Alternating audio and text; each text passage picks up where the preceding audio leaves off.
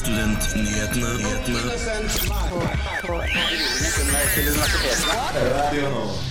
Vi tar en nærmere titt på de tre lederkandidatene til NSO.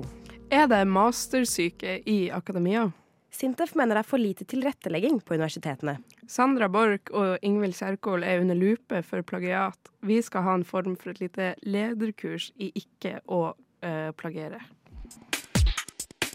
Vi må innom det aller helligste temaet blant studenter. Det er jo studiestøtte. Studiestøtte. Har du ikke hørt det? Det aller helligste temaet blant studenter. Studentnyhetene hver fredag fra 11 til 12 på Radio Nova. God fredag, alle sammen.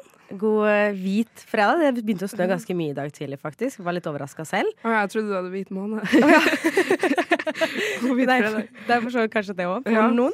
Eh, uansett så er det velkommen til Studentnyhetene. Mitt navn er Ada Helen Ingebretsen, og jeg har med meg Ingrid Karoline Karlsen. Hei. Hvordan går det med deg, Ingrid? Du er tilbake fra Australia og utveksling. Og Ja, endelig tilbake. Veldig gøy å være på lufta igjen. Så det blir koselig å se hvordan det her kommer til å gå. Ja, vi, det er Ja. veldig koselig å ha deg med tilbake igjen. Litt, uh, Har jo sovna dere. Jeg i savnet deg også. Ja. ja, var Hørt litt på, så det høres ut som dere gjør det bra. Ja, Ja. nei, men Det er fint å høre. Det er fint å ha noen tilbake fra Nord-Norge. Litt flere dialekter. Ja, ikke sant? Jeg må liksom eh, ja, kvote på mangfold. Det er det jeg fyller, ikke sant? Nei, nei, nei. Vi skal også snakke om mye spennende, og du har mye å tilby også. Du skal jo snakke med oss, og vi skal kose oss masse gjennom den timen nå. Så vi har mange spennende saker for dere.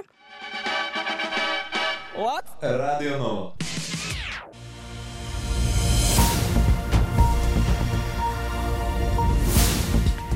Gruppa studenter for Palestina varsler at de i dag vil ha med studenter fra hele landet på nasjonal streik og demonstrasjoner for å stanse samarbeid med israelske universiteter. Gruppa reagerer på at ingen av de norske universitetene gjennomfører noen boikott mot israelske universiteter i lys av situasjonen og bombinga på Gaza. Studenter for Palestina peker spesielt på samarbeidet mellom norske universiteter, israelske universiteter og norsk våpenindustri. De oppfordrer alle studenter til å droppe forelesning i dag klokka tolv og delta på demonstrasjoner på sine respektive universitet i stedet. Det melder Krono. Til sammen 526 studenter i Norge er felt for fusk i 2023. Og det er stor variasjon i hvilke utdanningsinstitusjoner som feller flest. På toppen er UiA, Universitetet i Agder, som med sine 14 000 studenter felte 74 for fusk i fjor. NTNU, som har mer enn 40 000 studenter, altså tredobbelt av UiA, felte færre studenter for fusk. Oline Sæter, leder for NSO, sa denne uka til Krono at ulikheten sannsynligvis viser at institusjonene har forskjellig praktisering av fuskeregelverket. Per i dag er institusjonene som kontrollerer egne fuskeregelverk, og rektor ved UiA mener tallene peker på gode eh, rutiner for avdekking av fusk ved sitt eget universitet. Lånekassens renteinntekter har i 2023 mer enn dobla seg sammenlignet med 2022. Lånekassen tjente 9,1 milliarder på renteinntekter på studielån i 2023, og flere enn før klarer ikke å betjene lånene sine. 22 360 studielån gikk til inkasso.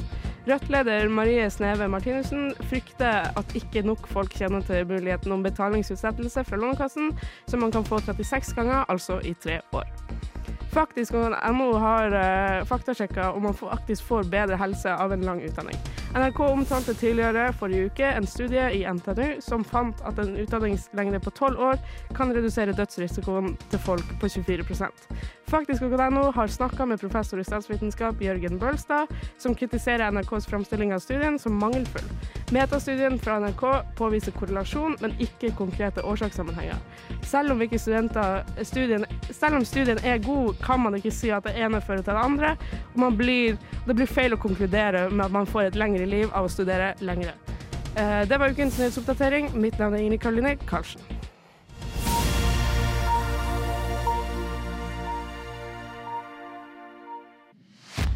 Samordna opptak. Det handler om rettssikkerheten eh, til norske studenter. Akademia Strid, Oslo Met Universitetet i Oslo, Studerer Studentnyhetene. hver fredag fra 11 til 12.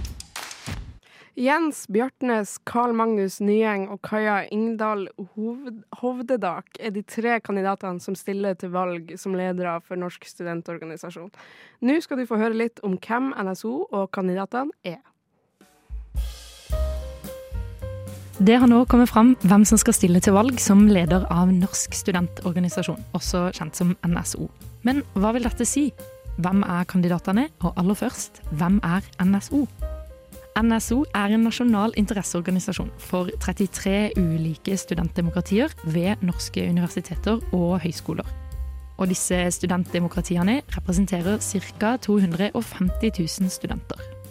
NSO har til oppgave å ivareta og fremme studenters interesser og rettferdigheter, fremme engasjement for nasjonale og internasjonale utdanningssaker blant studenter, i tillegg til å representere sine medlemslag.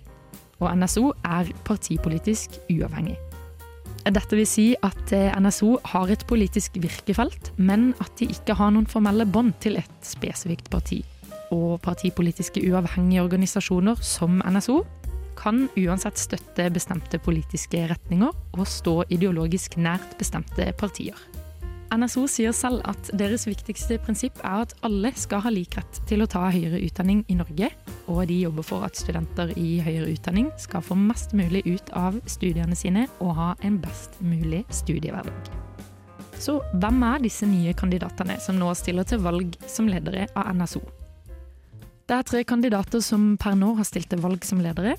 Det er Jens Bartnes, Carl Magnus Nyeng og Kaja Ingdal Hovdenak. Og det siste året så er det Oline Sæter som har sittet som leder av NSO, men som nå skal gi stafettpinnen videre. Jens Bartnes har hatt et internasjonalt ansvar i NSO dette året. Og i et intervju med Krono forteller han om de tre viktigste sakene han vil kjempe for dersom han blir valgt som leder. Dette handler om studentboliger, internasjonale studenters økonomi og studiestøtte. Bartnes har tidligere jobba med saker om skolepenger og stipendordninger for internasjonale studenter, og i tillegg har han erfaring som leder av Studenttinget ved Norges miljø- og biovitenskapelige universitet. Kandidat nummer to er Carl Magnus Nyeng, og han har tidligere stilt til lederverv, men tapte for Oline Sæter i forrige valg. I et intervju med Krono gir han uttrykk for at lysten til å bli leder av NSO ikke har avtatt, og at han føler seg bedre forberedt etter å ha fått mer ledererfaring og innsikt i organisasjonen. Nyeng påpeker studiestøtta som den viktigste saken for han, og han trekker fram den nylige økninga på 10% i studiestøtta som et positivt skritt, men at det fortsatt er langt unna NSOs mål. Han understreker at eh, kampen for bedre studiestøtte vil være en viktig sak fremover. Den tredje kandidaten er Kaja Ingdal Hovdenak. Hun forteller at etter pandemien hadde påvirka hennes første år som student i Bergen, så ønska hun å engasjere seg i forskjellige studentorganisasjoner og fagutvalg. Eh, hun har også vært leder av studentparlamentet ved UiB. Hovdenak vektlegger at NSO må representere studenter fra hele landet og bry seg om mangfoldet blant norske studenter. Hun forteller i et intervju med Krono at hun er bekymra for konsekvensene og økonomien for mangfoldet blant studenter. Hun frykter at enkelte utdanninger, spesielt de med høy arbeidspress, kan bli mindre tilgjengelige for gjennomsnittspersonen, da de krever mye tid for studier og begrenser muligheter til å jobbe ved siden av. Valgkampen den ble offisielt starta 8.1 og skal vare fram til 25.2, som er frist for å levere inn kandidatskjema og for å få sitt kandidatur vurdert av valgkomiteen. Det er uansett åpent for å stille til valg fram til landsmøtet, som i år finner sted i Tønsberg 5.-7. april, og vi i Studentnyhetene gleder oss masse til å følge med på dette videre. Saken du nettopp hørte, er laga av Anne Martine Justvik. Du lytter til Studentnyhetene på Radio Nova. Nå er ikke jeg så opptatt av å sammenligne meg med Ola Borten Moe. Jeg mener han har gjort en god jobb på feltet. Hørte dere Sandra Borch i jinglen her? Det passer jo egentlig fint, for vi skal snakke litt om dette med de plagiatskandalene som nå har preget media ganske mye. Ja, alltid et tema. Veldig gøy. Ja, vi Ja. hadde jo spesialsending på det forrige uke, så hvis dere ikke har fulgt eller fått med dere hva som har skjedd, så er det jo bare å Ja, den er veldig Høre god, så den må dere høre på. Ja, det er bare å gjøre. Ja. Så det har jo da vært eh, disse plagiatskandalene med eh, Sandra Borch, som har gått av, og Ingvild Kjerkol, som fremdeles sitter som helseminister, for det er ikke bestemt ennå om om hun har juksa på masteren sin eller ikke. Men det som det, disse sakene har tatt opp, da, er jo en debatt eh, om den såkalte mastersyken. Oi, Så det? det jo Det har jo vært liksom litt debattert før. For det er Ja, nemlig hva er egentlig mastersyken? Ja. Jeg syns eh, ordbruken er kanskje litt Altså, det er, jo, det er jo på en måte et ord som for å på en måte sette noe på spissen, tenker jeg kanskje. Men for det er jo liksom, hva er det som er sykdommen her? Er det det at man tar en mastergrad, at for mange tar en mastergrad som er sykdommen her? Er, jo, er det dårlig for samfunnet, på en måte? Det er litt sånn Jeg skjønner selv ikke helt liksom Du hva skjønner som hvor er du vil, i hvert fall. Ja, det, det er det som er bakgrunnen med ordet, da, at for mange tar master, eller for mange føler seg pressa til å ta master. Uh, men jeg skjønner ikke helt hvordan det skal være en sykdom nødvendigvis. Så jeg vet ikke, Tenker du det er en sykdom at folk tar Eller for mange tar master? At det er Jeg føler jo det er bra man er smart, eller gjør eh, lange oppgaver sånn sett. Men uh, kanskje poenget er det at arbeidslivet eh, Muligens kanskje søker etter folk som har master selv, som egentlig kunne gjort det på en bachelor. Uh, og at For jeg har uh, Altså, flere i familien min har tatt bachelorgrad og eh, ikke fått jobb i det hele tatt for, i feltet sitt fordi at alle ser etter en master. Selv om man godt kunne ha vært kvalifisert med en bachelorgrad. Så det er kanskje noe i det, ja. Ja, for det, ja, det, jeg føler også det kanskje er et problem. Sånn, ja. for eksempel, eh, faren min har bare en master... Nei, beklager, han har en bachelorgrad. Men så har han fortalt om når de skal ansette nye folk på jobben hans, så er det på en måte egentlig litt krav at man har en master. Mm. Selv om mange av de som er på en måte eldre, har en bachelor bare. ja hvilket Så, eh, Eh, han er ingeniør, så det er Ja, jo litt sånn. Så jeg tror kanskje sånn på mange områder så har på en måte eh, kravet for å få en jobb blitt heva til en master. At det har blitt liksom nye normen, egentlig. Ja, men vi er jo så høyt utdanna i Norge, eh, og utdanning er så sykt tilgjengelig, at det, det er kanskje naturlig at samfunnet beveger seg i den uh, retninga. Men det er jo litt synd for de som tar fagutdanning, og som tar Ja. eh, bachelor bare, og ikke føler seg kvalifisert nok til de Mm. jobbene man egentlig vil ha. Ja, for man ser jo at det blir for eksempel em, eh, pedagogikk. Det trenger man nå master til for å søke på. Ja, Først trengte man jo bare bachelor for å bli lærer, da. Altså, Ja, lærerutdanninga, ikke sant? Ja. Mm. eller ikke den vanlige lektorutdanninga, men hvis man tar eksempel en master i historie, da, så ta et år pedagogikk etter det. Du kan ikke bare ha en bachelor i historie og så ta pedagogikk. ja. Man må ha master for å kunne søke. Eh, Men det er jo litt interessant, fordi ifølge Abela, som har gjort en undersøkelse på høyere utdanning, så er Norge det landet i Norden som har færrest mastergrader og doktorgrader. Oi. Så vi ligger på en måte ikke jeg, jeg, De slår jo fast da, at det ikke er en mastersykdom eller syke her i landet, fordi at vi på en måte egentlig mangler folk som har mastergrad og bachelorgrad, nei, mastergrad og doktorgrad, beklager, spesielt innenfor IKT-fag. Så det er jo litt sånn Er det egentlig Er dette egentlig en debatt? Er det for mange som tar mastergrad? Ja, eh, kanskje ikke. Jeg vet ikke. Ja, jeg vet ikke, jeg, jeg, Eh, er skjønner det- ikke så mange heller, kanskje. Det kommer, jeg vet ikke, jeg har ikke satt meg inn i hvor mange mastergrader som er tilgjengelig heller, da. Det er sant. Eh, så det er jo et spørsmål. Men eh, Men tenker du, at det, tenker du at det er et press for å ta mastergrad i akademia? ja, egentlig. Hvis du ikke vil jobbe med akademia, eh, så tenker jeg, eller så føler jeg at det er litt press på å ta master, liksom. Ja, hvis du ikke får en jobb innen det, så, bare, så må du egentlig ha en master for å komme deg videre, liksom, innenfor det feltet som du har um, Innenfor det feltet som du har valgt. Mm. Ja, fordi jeg føler jo egentlig også litt at det er press, på en måte. Ja, Kanskje vi bare beveger oss mot resten av Norden? ja, det kan jo også hende. verden, liksom. Ja. Det kan hende. Men det sånn, jeg, vi, er, vi to begge studerer journalistikk, og det er jo egentlig en, Ja. et yrke man ikke trenger en utdanning for å bli noe. Riktig. Så man trenger jo egentlig ikke en bachelorgrad for å, for å bli journalist, men det hjelper veldig mye da når man skal søke. Absolutt. Men jeg har jo opplevd at også lærerne på studiet har liksom promotert på en måte master da, som et veldig fint, fin mulighet. Selv om jeg føler, for min del, så føler jeg på en måte at det kommer, det kommer til å være noe jeg egentlig har nytte av, i hvert fall i journalistyrket.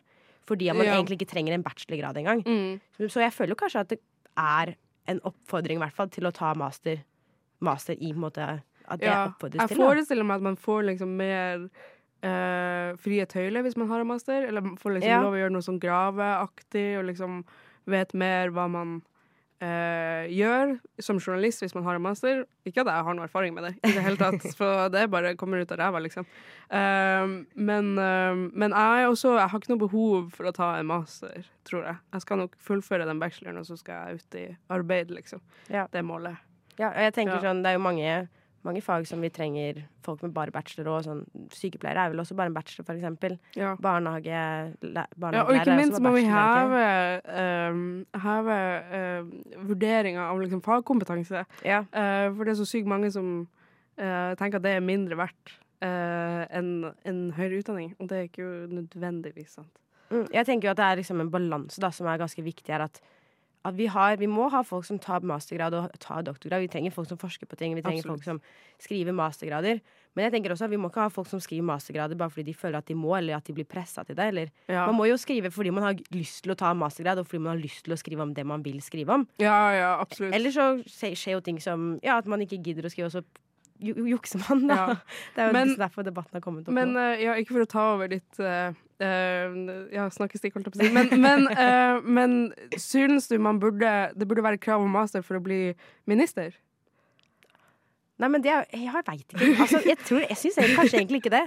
For, ikke når man jukser på det, i hvert fall. ja, men vi har jo i hvert Nei, det er jeg enig i. Ja. Men jeg tenker jo at vi har jo veldig kultur for at man starter veldig ung som politiker i Norge. Man starter jo liksom i videregående alder. Noen starter i ungdomsskolealder. på en måte Ja. Så det er jo veldig vanskelig å sette master som et krav, for det kommer til å ta veldig mange år av det politiske, eller den politiske tida folk bruker, da, tenker jeg.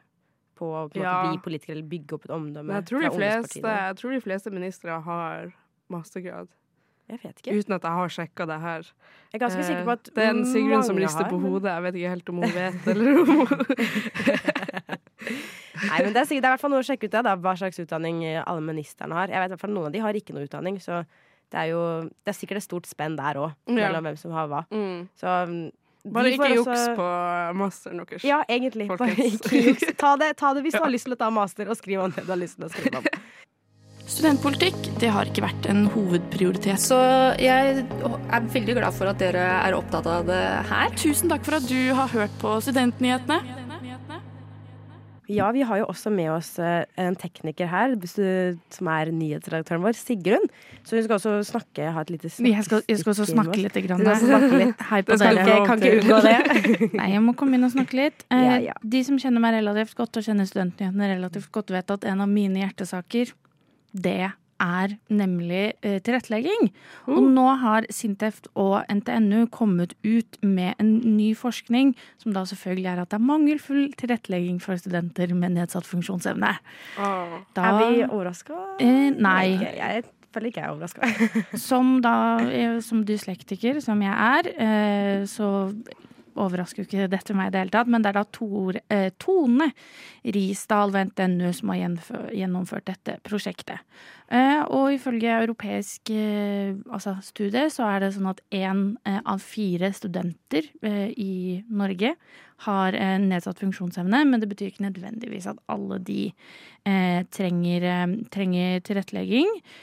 Det man har sett aller mest på, er at folk som f.eks. har nedsatt hørsel, de, der er det forelesere som er sånn Det går fint, jeg trenger ikke å bruke mikrofon, for jeg Mm. bare snakker høyt nok. Eller folk som Ah. har lese- og skrivevansker, eh, som ikke får powerpointen på forhånd. Også for, for, for så vidt folk som har nedsatt syn eller nedsatt hørsel. Eh, så det viser jo da at det de mener, da, det er at det er kanskje fordi at eh, underviserne ikke kjenner studentene så veldig godt. At det er den derre um, Ja, at det er en tydelig skille der mellom hvem de to forskjellige er.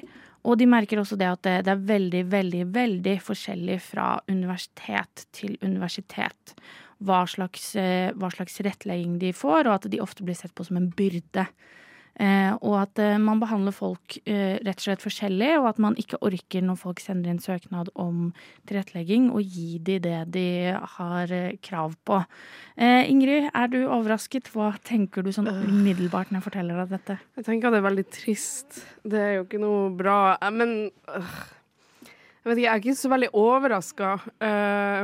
for jeg har jo hatt lærere som liksom, hvis man har spurt om øh, Ikke at jeg har noe funksjonsnedsettelse eller trenger noe tilrettelegging, men hvis jeg har spurt om uh, powerpointen på forhånd, så er det jo uh, Og de ikke har den klar, så sier de nei, det går ikke. Og det, det er jo forskjellige mennesker som jobber i akademia, det burde jo være et regelverk og rutiner på hvordan man gjør, gjør det med hvert universitet. Men min erfaring er at det er veldig mange forelesere som bare gjør som, som de alltid har gjort. Dessverre. Ja, jeg tenker også at eh, det er mye Jeg tenker kanskje det er stor forskjell på de forskjellige universitetene òg. Jeg føler i hvert fall som Siden jeg går på Oslo Met, jeg er veldig vant til at vi er litt liten klasse, kanskje. Så jeg føler at det, det er kanskje lettere å få tilrettelagt der. Men jeg kan definitivt forstå at eh, Eller jeg kan på en måte forstå eh, lærernes eller forelesernes tankegang med at man ikke har lyst til å gi forele forelesningen eller presentasjonen på forhånd. Fordi da tenker man at ingen kommer til forelesninga. Men jeg tenker også er litt sånn Man hadde jo ikke spurt om, om Ja. prestasjon på forhånd hvis man ikke hadde tenkt til å måtte lese for å komme til forelesningen også, Men tenker jeg jeg, tror, det, jeg tror det handler om at man burde få altså forelesere burde få en større forståelse av hva funksjonsnedsettelse egentlig er, og hva det krever. Definitivt. Det Eh, som, det som er slitsomt, det er jo at man må slå i For det er jo en, det er en lovpålagt rettighet å få tilrettelegging. Eh, Ja. Den er lovpålagt, og det er ganske slitsomt å måtte slå i bordet hver eneste gang man ikke får den tilretteleggingen man har eh, krav på. Jeg har selv eh, ikke fått tilrettelegging jeg var, hadde krav på. Det er slitsomt å sende den mailen og ringe de og være sånn Hei, dere har fucket meg over, for å være så bastant.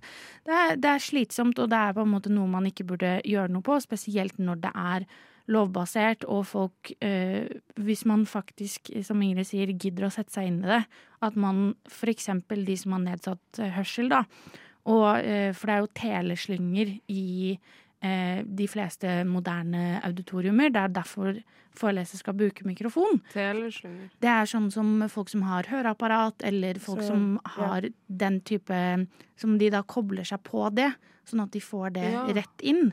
Oh. Hvor de da kan styre det volumet selv, hvor høyt de vil ha det. Og det er jo en grunn til at det er sånn. Det er det i de fleste offentlige steder. Så det, er, så det handler jo på en måte om at eh, de tenker at hvis jeg bare snakker høyt nok, så hører den personen som har nedsatt hørsel, det. Men de gjør ikke det, for de trenger denne type tilrettelegging. Så jeg setter jo veldig, veldig stor pris på som dyslektiker, selv om jeg ikke studerer lenger, at det er noen som tar eh, tak i det. Har dere Senterpartiet glemt studentene når dere skrev deres valgprogram for Oslo? Altså, mulig, men Studentnyhetene. Vi er nyhetsprogrammet av og med Senter. Hver fredag fra 11 til 12 på Radio Nova. Sandra Borch har plagiert masse masse i sin masteroppgave, og gått av som forsknings- og høyere utdanningsminister. Tidligere masteroppgaver eh, og offentlige ekspertrapporter er noe av det hun har plagiert. Det er kanskje gammel nytt, vi har hørt om det, bla, bla, bla. Men jeg tar det likevel opp, for jeg tenker at eh, det er lurt å ha en liksom praktisk eh, ferd i hvordan man egentlig ikke skal eller hvor man skal unngå å plagiere. Eh, så jeg vet ikke om det kommer til å bli så underholdende for dere som hører på, men kanskje det blir litt opplysende.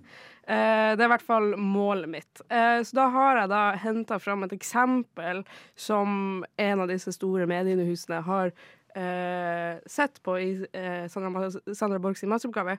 Eh, og noe av det hun har plagiert fra en eh, offentlig utredning til det som var Arbeidsdepartementet. Det er mye sånn teknisk her, men poenget er det her er en setning som er tatt fra en rapport, som er direkte sitat, eh, uten at Sandra Borch har eh, skrevet at det er det.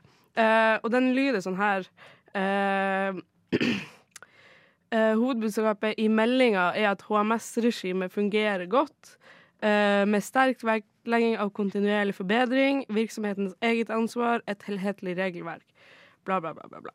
Da lurer jeg på, Ada-Helen uh, eh, Uten at du uh, Hva er den første måten du tenker at man skal unngå plagiat uh, hvis man skal bruke denne setninga? Ja, den, altså, den letteste måten er jo å bare ta anførselstegn rundt. Ja, så, og, og, sitere det. At det er et ja. sitat, og så skriver du i parentes 'regjeringen 20 tolv, da, hvis det var der. Ja, derfra. og bruk, ja, ja, og du må liksom bruke um, forfatter og år. Eh, mm. Uh, og bare bruke din egen referansestil, uh, sånn som universitetet ditt sier at du skal gjøre, og så har du det. Uh, men personlig når jeg skriver oppgaver, så synes jeg jeg liker ikke å ha med um, uh, quotes eller sitater ja, fra andre.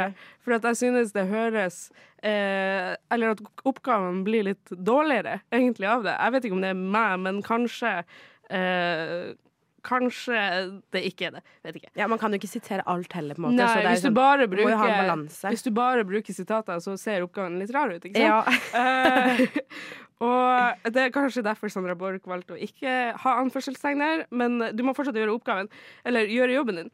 Eh, så jeg har prøvd meg på en liten omformulering. Jeg vil egentlig bare, Det er ikke sikkert at du i radioen får det med deg, men jeg håper i hvert fall Adela Helen her i studio får det med seg med å se på eh, notatene. Eh, så da med et forslag til hvordan du heller kan skrive det. Som til Sandra Borch, da. Det er litt etterpåklokskap, men det får bare være. Eh, rapporten fra Arbeidsdepartementet konkluderer med at det viktigste i meldinga er hvordan HMS-regimet virker bra, fordi det legger stor vekt på stadig forbedring, at bedriften selv har ansvar, et fullstendig regelverk, prikk, prikk, prikk. Altså, poenget her er at jeg har omformulert nesten hver eneste ord i denne setninga som jeg begynte med, men Um, også har jeg sagt at det er fra en rapport i Arbeidsdepartementet. Uh, og i tillegg så må du jo selvfølgelig huske kilde. Poenget er du må bare uh, Du må si hvor det er den informasjonen er fra, og ikke presentere den som din egen informasjon. Og det er kanskje noe Sandra Borch uh, eller Ingvild Kjerkol kan lære litt av, eller burde ha lært litt av, når de skrev sine oppgaver. Ja, jeg tenker jo at Den letteste måten å måte, skrive om noe, er jo bare skrive hvor du har det fra, eller et navn, da, eller eksempel Arbeidsdepartementet, eller, eller f.eks. for eksempel hvis jeg skulle sitert deg, da, Carlsen mener eller konkluderer med Ja. Eller man bare Ut starte ifra det kan sånn. vi si så- at bla, bla, bla. bla, bla. Ja. Gjør egne refleksjoner, ikke sant? Um, bare sånn, litt sånn på tampen, så har jeg lyst til å, uh, i solidaritet med Sandra Borch og Ingvild Kjerkol og alle andre som har plagiert masteroppgaver, så vil jeg egentlig bare uh, komme med noen eksempler eh, fra store politikere som egentlig også har plagiert eh, i, internasjonalt. Eh, så i 2011 ble det avslørt av ca. 1000 frivillige eh, at daværende tysk forsvarsminister Dr. Gugelberg hadde plagiert sin doktorgrad eh, i 324 av 393 sider. Han eh, ble etterpå kalt en svindler og mista sin regjeringstittel og doktorgrad. Selvfølgelig. Eh, den meksikanske presidenten mellom 2012 og 2018 ble tatt for å ha plagiert 29 av sin jusgrad i 1991. Han var altså president. Uh, OK, jeg vil bare på tampen, uh, helt på slutten, uh, si at Putin, som er sittende president, har også ifølge en Um, ifølge en um, doktor i USA plagiert hele sin masteroppgave. og betalt for at noen andre skal gjøre den. Så Sandra Borch og Ingvild Kjerkol, hvis dere eh, ikke kommer til å være ministre lenger, for det kommer dere ikke, kanskje, eh, vi får se, eh, så har dere kanskje en framtid som russisk president. Vi må innom det aller helligste temaet blant studenter. Det er jo studiestøtte. Studiestøtte. Har du ikke hørt det? Det aller helligste temaet blant studenter. Studentnyhetene hver fredag fra 11 til 12 på Radio Nova. Ja, det er jo fredag, som eh, mange sikkert er veldig glad for. Og det betyr jo at eh, vi nå snart er ferdig. Dessverre. Det er vi ikke glad for. det er vi ikke glad for. Men det betyr også at det er helg. Snart, i hvert fall. Kanskje noen timer igjen for de fleste. Men eh, hva skal du i helga, Ingrid? Uh, du, jeg skal på sånn Melodi Grand Prix-finaleshow Uh. med noen kompiser, så det blir gøy. Det Ja. tror jeg. Jeg har bestemt meg for at jeg skal ikke se på Eurovision, men jeg kan tillate meg å se Melodi Grand Prix. Er det, følger du med på Melodi Grand Prix? Jeg har ikke gjort det til nå, eh, så det blir jo bare å se finalen. Spennende. Eh, jeg vet ikke. Vi får se. Ja. Ja, det er spennende. Følger du med? Nei, egentlig. Jeg har aldri hatt noen tradisjon for å se Eurovision en gang heller. Jeg har bare sett det sånn to ganger, kanskje. Ja, med Eurovision så sitter jeg vanligvis med sånn eh, scoreboard. Ja. Eh, og rate outfit, sang og hele pakka, liksom. For, uh, Det er gøy, da. ja. Det er jo Men- blitt en litt sånn type sånn venne, vennegjengaktivitet, egentlig, å se på Eurovision. Ja, absolutt. Og det er veldig hyggelig, men uh, i år så skal jeg avstå for grunn av Israel. Så Det er nok mange som skal. Ja. Hva skal du i helga, Sigrun? Um, jeg skal uh, ha my time. My best, my best weekend. Nei, jeg skal, uh, jeg skal vaske litt klær. Og så er det jo sånn at det er eh, frist for å søke på Radio Nova i dag. Og da, siden jeg er leder av denne redaksjonen, siden jeg er nyhetsredaktør, så skal jo jeg få inn disse søknadene. Så jeg regner med at jeg skal bruke litt tid i helgen på å lese det. Det er, det er bak kulissene, vet du, men jeg føler at folk liker det. Eh, og så skal jeg skal slappe av, rett og slett. Jeg er, sl er sliten. Ja, Vi er nede for telling i Nei da, vi er ikke nede for telling. Jeg personlig er nede for telling. Eh, personlig nede for telling. Folk har sagt til meg at Stanley Cups, som jeg drikker av, er det bly i, så jeg tror nå at jeg har blyforgiftning. Em, så det er jeg er nede for telling, men ikke Nova som en eh, helhet. Det er, det er et vanskelig liv, rett og slett. Adalene, hva skal du? Jeg beklager, jeg bare, jeg bare ble helt satt ut av at det var bly i Stanley- i Stanley-koppen. Um, ja, det må jeg jeg Nei, jeg vet ikke. Jeg har drikker jeg Stanley-kopp? Jeg tror ikke det. Jeg har gjort kanskje to ganger eller noe. Jeg håper ikke det er farlig. Jeg drikker jo av det daglig hele tiden, eh, men filosofien min er noe skal du dø av. Ja, Og jeg kan ikke begynne å ta med Jeg har jo en to liters eh, Jeg har en to flaske. Nei, det blir for mye. Jeg har tatt med den masse på jobb her på Nova, men folk shamer meg. Så ja. derfor Ja, hører du min automatiske reaksjon? Ja, så jeg kan ikke gjøre det. Men hva skjer i, hva skjer i Ski? I Ski. Ikke stort skjer i Ski. Jeg Skal skal, du stå på eh, ski? Med det her fine været ute? Nei, jeg er ikke skiperson. Eh, eller jeg er jo en skiperson for jeg er fra Ski, men jeg står ikke på ski. Så jeg er ikke skiperson sånn sett. Litt ordspill der. Eh, nei, jeg skal faktisk bare jobbe med bacheloroppgaven min. Og så mm, jeg, skal jeg lage sak faktisk for Studentnyhetene. Ikke spoil! Jo, men jeg tenker at det er fint at folk vet at jeg skal lage sak. Så de, tease hvis, de, hvis de sånn- liker stemmen min, så kan de høre på neste uke. òg. Men det blir en veldig interessant er- og kul sak. Ja, det tror jeg også blir. ja, Så det det, blir veldig bra. det Kan- tror jeg kan du si ett ord? Eh, studenthuset i Oslo. Tror jeg mange kanskje ikke vet om. Så det er bare å lytte til eh, neste uke også, for det tror jeg kommer til å være mye god info for veldig mange som kanskje ikke vet så mye om saken. Litt av Så ja. Nei, eller det blir det. Jobbe med bacheloroppgave. Så det er eh, mye slappe av Eller slappe av og slappe av. Det blir jo jobbing, da. Men uh, håper på at uh, Jeg tror ikke mamma hører på nå, så jeg kan bare si at jeg kanskje skal overraske med å lage tiramisu. Jeg har litt lyst til det. Så jeg Hei, mamma det blir- Anna-Helen. Jeg tror ikke hun hører på, da. Så Eh, hun er har, på jobb. har hun bursdag eller noe sånt? Nei, er bare for, bare for gøy, egentlig. Å, du er sånn jo den perfekte datter. At det går an. Hei, mamma, vil du ha litt tid Ja, men det er jo, det er til, det er til meg òg, da. Ja, ja, men Til alle. Ja, så fint. Til alle. Så det blir, det blir fint. Det blir bra. Men det er veldig hyggelig at eh, dere som har hørt på, har hørt på i dag. Eh, og som sagt, som Sigrun sa, det er søknadsfrist i dag på Radio Nova. Husk å sende inn de søknadene. Det er det bare å Bli gjøre. hjem og koke her, altså. Ja, vi gleder oss til å møte mange nye medlemmer, så det Ja. tror jeg blir kjempebra. Eh, og hvis dere har lyst til å høre eh, episoden på nytt igjen, så er det jo bare å gjøre det på podkast når det kommer ut. Og så er det selvfølgelig bare å følge oss på sosiale medier. Der heter vi Studentnyhetene. Eh, på, hvert fall på Instagram er vi ganske aktive nå. Vi blir flinke på det. så det er bare å slide inn i DM-sa for å tipse om saker. Ellers er det bare å lytte videre, for radiotjenesten kommer. Eh, og så er mitt navn Ada Helen Ingebretsen, og jeg har hatt Ingrid Karoline Karlsen med meg i dag. Og på teknikk har jeg hatt Sigrun Tårne. Er du student og har en sak du vil at vi skal dekke, send oss en e-post på studentnyhetene at radionova.no. Eller slide inn i DM-ene våre på Instagram. Der heter vi også Studentnyhetene.